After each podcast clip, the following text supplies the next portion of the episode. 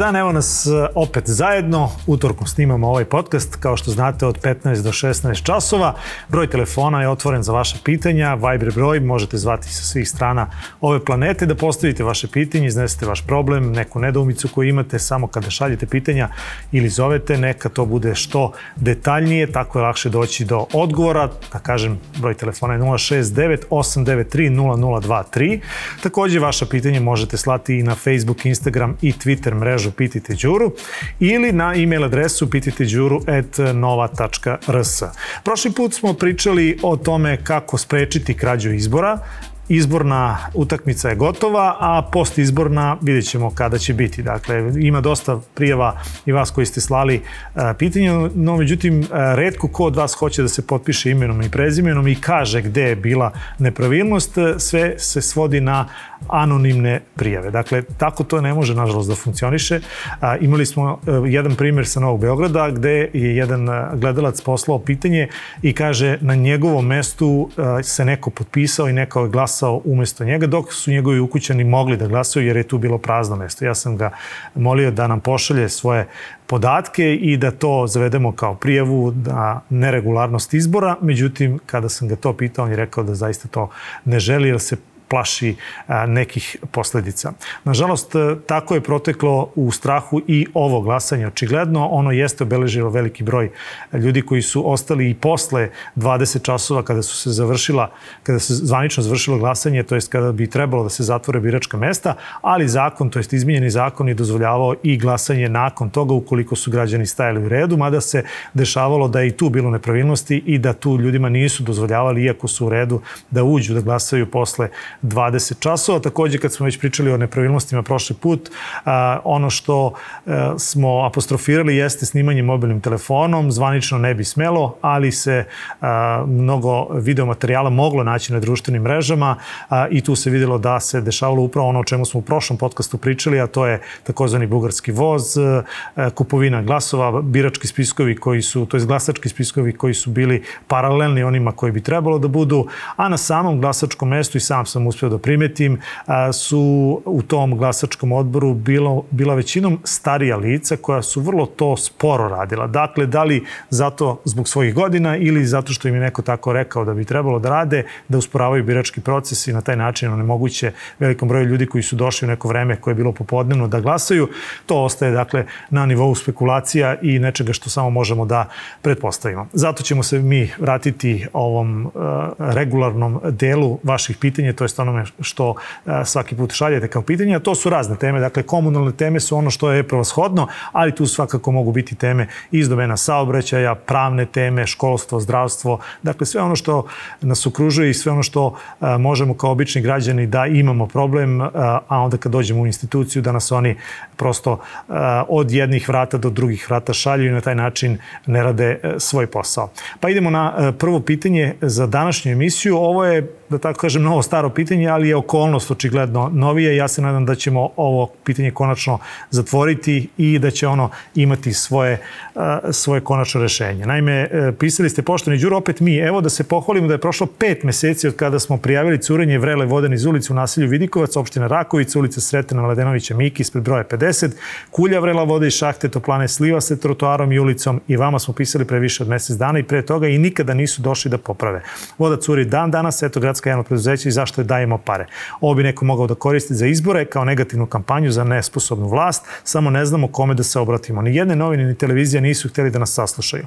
Nemamo načina ni N1 da kontaktiramo, da naprave prilog, slali smo mail i niko nas nije zvao. Imate li ideju kome da se obratimo nekoj stranci kome?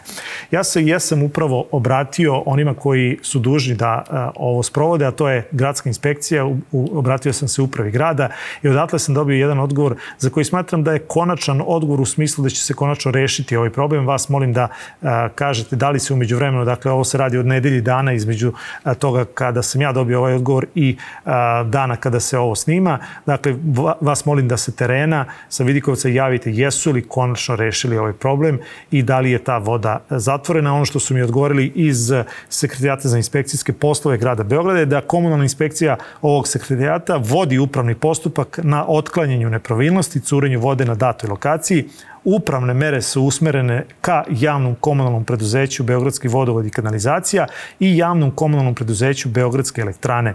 Postupak pred ovim organom je još uvek u toku. Dakle, ako ja to dobro razumem, radi se o tome da su oni ovde prosto tražili nadležnost, ko je nadležan, da li Beogradski vodovod i kanalizacija ili Beogradske elektrane, dok su se oni tako loptali, ta voda je išla niz ulicu i naravno to će sve stići vama na računima kao uvećana potrošnja tople vode i kao neka vrsta rastura. Ono što je moj savet je da se kao Skupštine stanara ujedinite i da prosto to ne dozvolite da na kraju se sve svali na vas, nego da tražite i od Beogradskih elektrana i od grada Beograda da vam se umanji troškovi jer ste vi adekvatno reagovali, prijavljivali, a niko od nadležnih nije adekvatno reagovao. Dakle, e, samo još jednom vas molim da e, sa povratnom informacijom da li je ovo i na licu mesta završena stvar, da javite da bi prosto znao da smo ovu stvar stavili ad acta. E sad, idemo na sledeće pitanje koje, e, nažalost, još uvek nema odgovor. Ovo pitanje je stiglo pre neki dan. Gospođa Goga Drobac je pisala i ona kaže ovako. Tražimo pomoć od vas zbog odrona koji ugrožava stabilnost privatnih kuća u ulici Sonje Savić od 10 do 16, a usled izgradnje zgrada u ulici Ljube Tadića. Ja mislim da ćemo i videti fotografije kako to sve izgleda i koliko je to opasno i koliko preti opasnosti ovim stanarima u ulici Sonje Savić od 10 do 16. Ja sam ovo prosledio u tri rekao bih, nadležne inspekcije i nadam se odgovoru na ovo pitanje i reakciji da prosto uh, vidite šta vam je činiti i kome se žaliti dalje uh, i šta možete u, u ovakvoj situaciji da učinite. Očigledno građevinska inspekcija i opštine i grada bi prvo trebalo da reaguje i da prosto uh, zatvori ovo gradilište, to jest da sanira ovaj problem dok ne dođe do još većeg problema. Eto, dakle, to je za sada odgovor, kažem, čekam još uvijek zvaničan odgovor iz institucija kojima sam prosledio ovo vaše pitanje i ovo vašu uh, muku. A idemo dalje na uh, još jedno pitanje, odnosi se na semafor, dakle saobraćaj u pitanju. E sad ćete vidjeti kako to funkcioniše. Ovo pitanje jesmo imali, ali se nadam da ćemo a, i ovde imati zatvorenu priču, to jest da će se ovaj problem a, rešiti. Dakle, ovo je semafor a, na uglu ulice Svetolika Lazarevića Laze i Radničke ulice. To je nova raskrsnica u smislu semaforizacije postavljena pre nekoliko nedelja. Trebalo bi da funkcioniše moderno i onako kako a, svugde u svetu funkcioniše, da kada pritisnete ovaj taster, da se upali zeleno za pešake u nekoliko sekundi koji slede. Međutim, ovde se dešava upravo suprotno, da tu a, ljudi čekaju, nećete verovati, 4 minuta da se ovaj taster, to je da se zeleno svetlo upali. E sad je, dakle, pitanje da li ovde ne radi taster ili ovde a, ne radi a, prosto ta signalizacija koja se odnosi na paljenje zelenog svetla, kako sada stvari stoje, uh, vidjet ćemo jer su oni koji su nadležni nakon moje prijave uh, izašli na teren i kažu ovako u odgovoru uh, iz sekretarijata za saobraćaj. Obaveštavam vas da je sekretarijat za saobraćaj obavestio javno komunalno preduzeće Beograd Put o vašim navodima u vezi sa svetlosnom signalizacijom na predmetnoj lokaciji kako bi izvršili proveru na terenu. Dakle, drugim rečima, bili su i upozorili da li će i kako reagovati, to ćemo vidjeti. Vas molim opet koji ste poslali ovo pitanje da ukoliko na terenu se stvar popravila, da prosto samo jednom porukom javite i da smo ovu stvar zajedničkim snagama rešili, pa se nadam da oni koji postavljaju nove semafore i vrše moderniju semaforizaciju naših raskrsnica, da će pre nego što odu sa lice mesta ovo testirati i probati da li radi kako, kako, bi, kako ne bi ugrožavalo bezbednost saobraćaja. U ovom slučaju dakle, imamo pešake koji su zbunjeni, koji 4 minuta čekaju zeleno svetlo i najverovatnije se ovde dešava da ljudi odustanu od čekanja i onda da prelaze na crveno svetlo i ugrožavaju tako bezbednost najpre svoju, pa onda i ostalih učesnika u saobraćaju. E, idemo na sledeće pitanje. Ono se odnosi opet u neku ruku na saobraćaj, ali ovoga puta na gradski prevoz. Reč je o tramvaju. naš gledalac Dragan je poslao ovo pitanje. On kaže, šalje i fotografije, slike zarađale unutrašnjosti tramvaja na liniji 2 govore same za sebe. Da li su Beograđani zaista slepi kada ovakvima na vlasti u Beogradu daju svoj glas? Dakle, vidjet ćete kako izgleda ta dvojka tramvaj ovde je veoma problematično nasloniti se bilo gde. Morate voditi računa da se ne isečete ukoliko stojite i ovde se naslonite. Dakle, ovakav tramvaj u 21. veku se pušta u glavnom gradu Srbije u saobraćaj, da ovo niko ne kaže ovo ne može u saobraćaj, ovo je opasno po E, učesnike e, u saobraćaju, to jest po one koji se voze u tramvaju broj 2. Ja jesam odobrio odgovor na ovo vaše pitanje, na ovu vašu primetbu, pa da čujete šta mi kažu. Kažu, sekretar za javni prevoz je po dobijenju prijave putnika koju ste nam 28. februara e, dostavili, naložio javnom komunalnom preduzeću Gradsko saobraćeno preduzeće Beograd da provere navode iz prijave i da izvrše pregled svih tramvaja KT4, a koji se nalazi na dostavljenim slikama uz prijavu. Tokom noćnog pregleda zaposleni gradskog saobraćenog preduzeća Beograd izvršili su proveru stanja putničkog prostora svih tramvaja KT4, pretpostavljeno je to KT4 i oni takozvani češki tramvaji stari. Ustanovljeno je da tramvaj garažni broj 2391 ima oštećenje usled korozije u zadnjem delu vozila.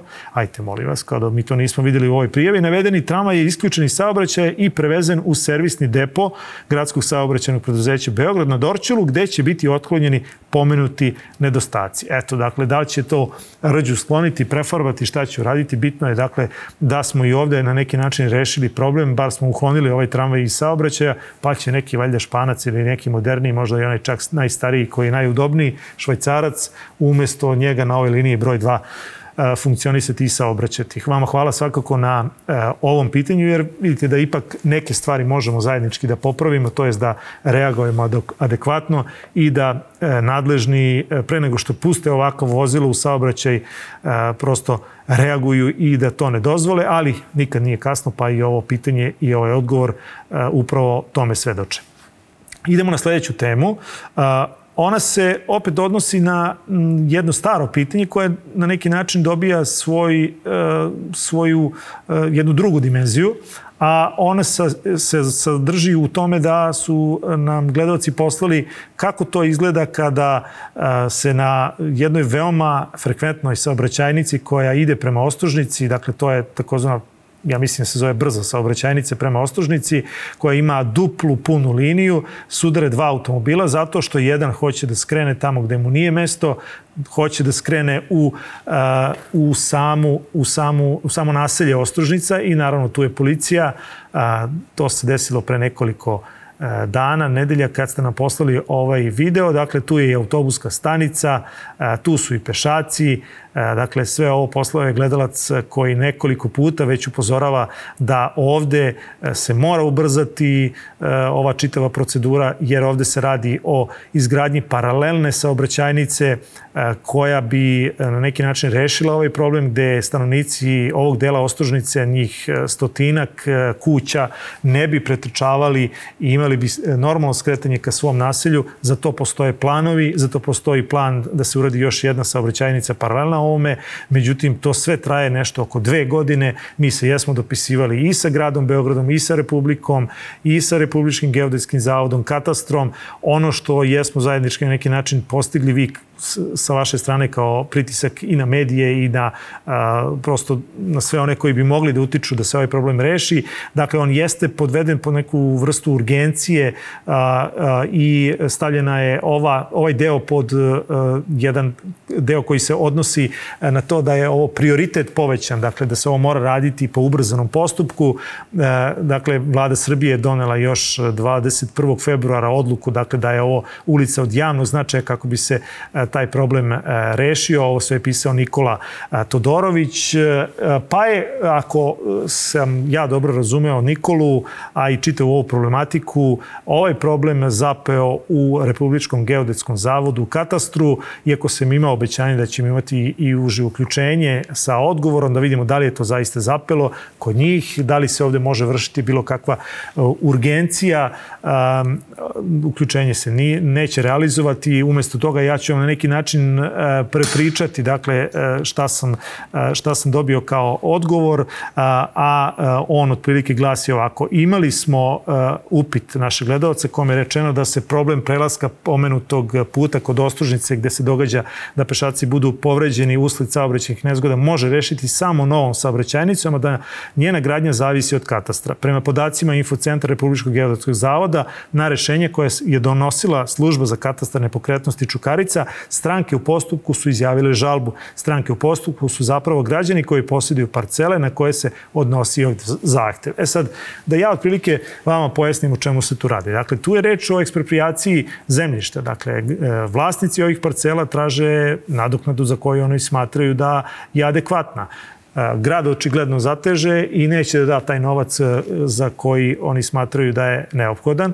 I ovo ovako sad može trajati u nedogled. Dakle, katastar ovde ne može ništa dok se ta imovinsko-pravna situacija ne reši, džaba urgencije, Ovde je reč dakle, o, o, o gradu i o tome da grad e, odradi svoj deo posla i da onima koji su u postupku ekspropriacije zemljišta, to, to je tih problematičnih parcela, ako sam ja dobro razumeo u razgovoru sa ljudima iz Geodetskog zavoda, e, reč je o nekoliko parcela, dakle nije samo jedna, a, i tu je zapelo. Dakle, ovde sad možemo pritiskati koliko god dok se ovaj imovinsko-pravni problem ne reši, ako ja to dobro shvatam situaciju, a, ova situacija se neće rešiti na neki drugačiji način način, nažalost, e, i e, to je za sada stanje. Kažem, vi se javljajte, e, dostavljajte informacije ukoliko se ovaj slučaj bude pomerao.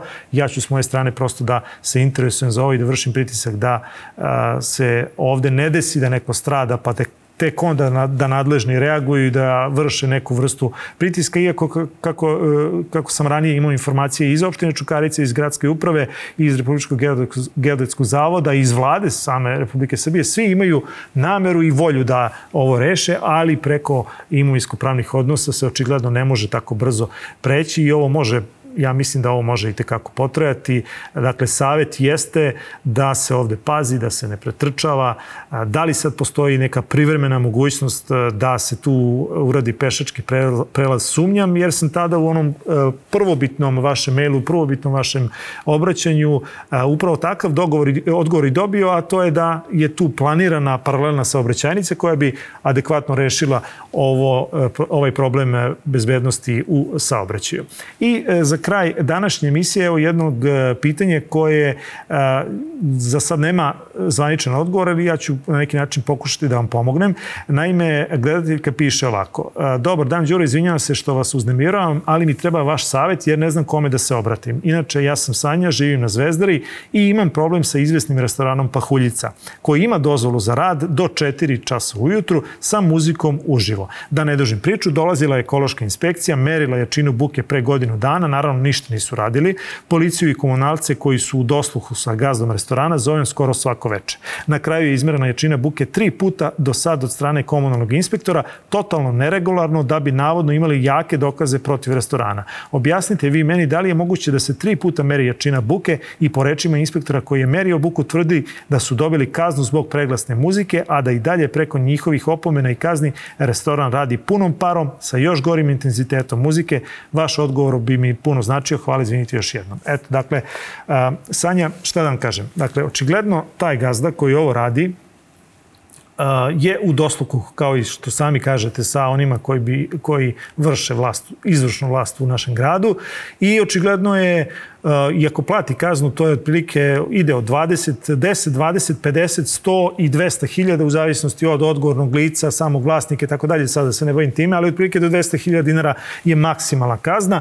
Da li je on uračunao jednom godišnje koliko otprilike oni njemu daju kaznu, ja mislim da ne češće, da li on to uračunao u cenu koštanja svog restorana i da to prosto prelomi na uh, goste i na, i na samu, uh, na samu funkcionisanje restorana, očigledno da jeste, da li su kazne premale, da li je adekvatna uopšte merenje tog nivoa buke, očigledno da nije, iako smo imali pre uh, izvesnog vremena zamenik gradonačelnika Beograda Goran Vesić, još uvek aktuelni, se hvalio kako će rešiti ovaj problem buke. Imali smo i čitav jednu emisiju posvećenu ovim, ovom problemu, ali očigledno da na terenu stanje je i dalje nepopravljeno, da je stanje i dalje takvo kako jeste, da vlasnici pojedinih, dakle ovde ne možemo staviti sve u isti koš, ali da prosto vlasnici pojedinih restorana i dalje divljaju, da za to imaju neku prećutnu saglasnost ekoloških inspekcija na opštini i u gradu, komunalne milicije i svih ostalih, da to rade tako kako rade, da ponekad plate neku kaznu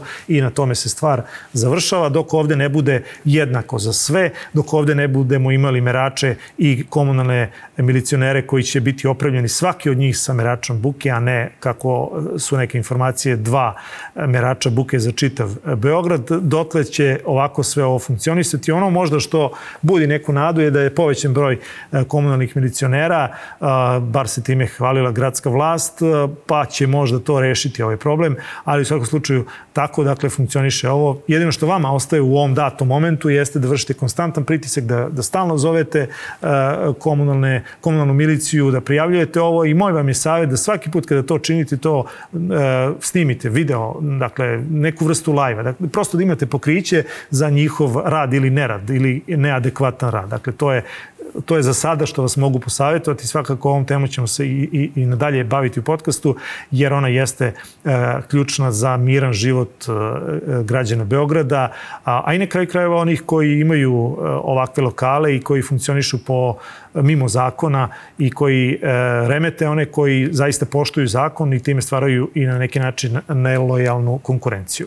Eto, toliko za e, ovaj podcast. On jeste bio postizborni za ono pitanje za koje su stigli odgovori. Vi i dalje e, šaljite vaša pitanja, iznosite vaše probleme, ne samo u Beogradu, to moram da napomenem, dakle širom Srbije, gde god vidite da nešto ne funkcioniše, šaljite pitanja, pa ćemo zajedničkim snagama vršiti pritisak na one koji su dužni i koje na kraju kraja plaćamo da nam odgovaraju i da rešavaju probleme. Viber broj je 069 893 0023, Facebook, Instagram i Twitter mreža Pitajte Đuru ili vaše pitanje šaljite na e-mail adresu pitajte đuru at nova.rs.